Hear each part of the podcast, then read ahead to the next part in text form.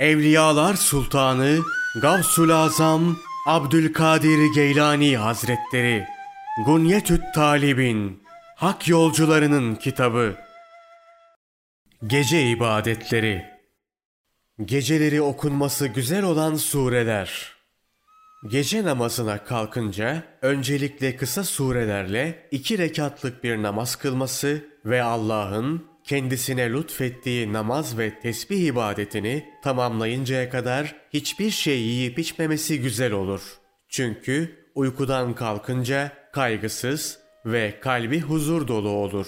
Bir şeyler yiyip içtiği zamansa kalbi huzurunu kaybeder ve karanlıkta kalır. Bundan dolayı yeme ve içmeyi geciktirmelidir. Ancak aşırı derecede açsa veya Ramazan ayında gündüz vakti açlığın sıkıntısını çekmekten endişe ediyor ve aynı zamanda sahur vaktinin çıkmasından korkuyorsa o zaman namazı kılmadan önce yemesi daha güzeldir. Kişinin abidler zümresine girebilmek ve gafiller grubuna dahil edilmemek için uyumadan önce 300 ayet okuması güzel olur. Mesela Furkan ve Şuara surelerini okuyabilir. Çünkü bu iki surenin ayetlerinin toplamı 300'dür. Bunları gereği gibi okuyamıyorsa Vakıa, Kalem, Hakka, Me'ariç ve Müddessir surelerini okuyabilir. Bunları da gereği gibi okuyamıyorsa Tarık suresinden başlayarak kısa surelerin tamamını okuyabilir. Çünkü bunların toplamı da 300 ayettir. Bin ayet kadar okursa bu daha güzel ve daha faziletlidir.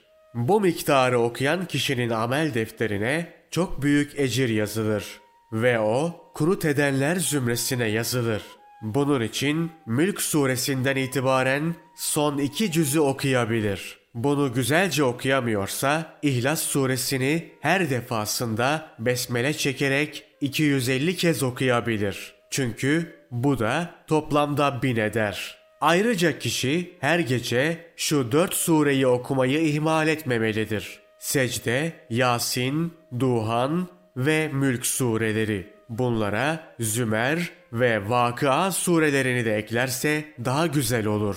Hazreti Peygamber sallallahu aleyhi ve sellem geceleri secde ve mülk surelerini okumadan uyumazdı.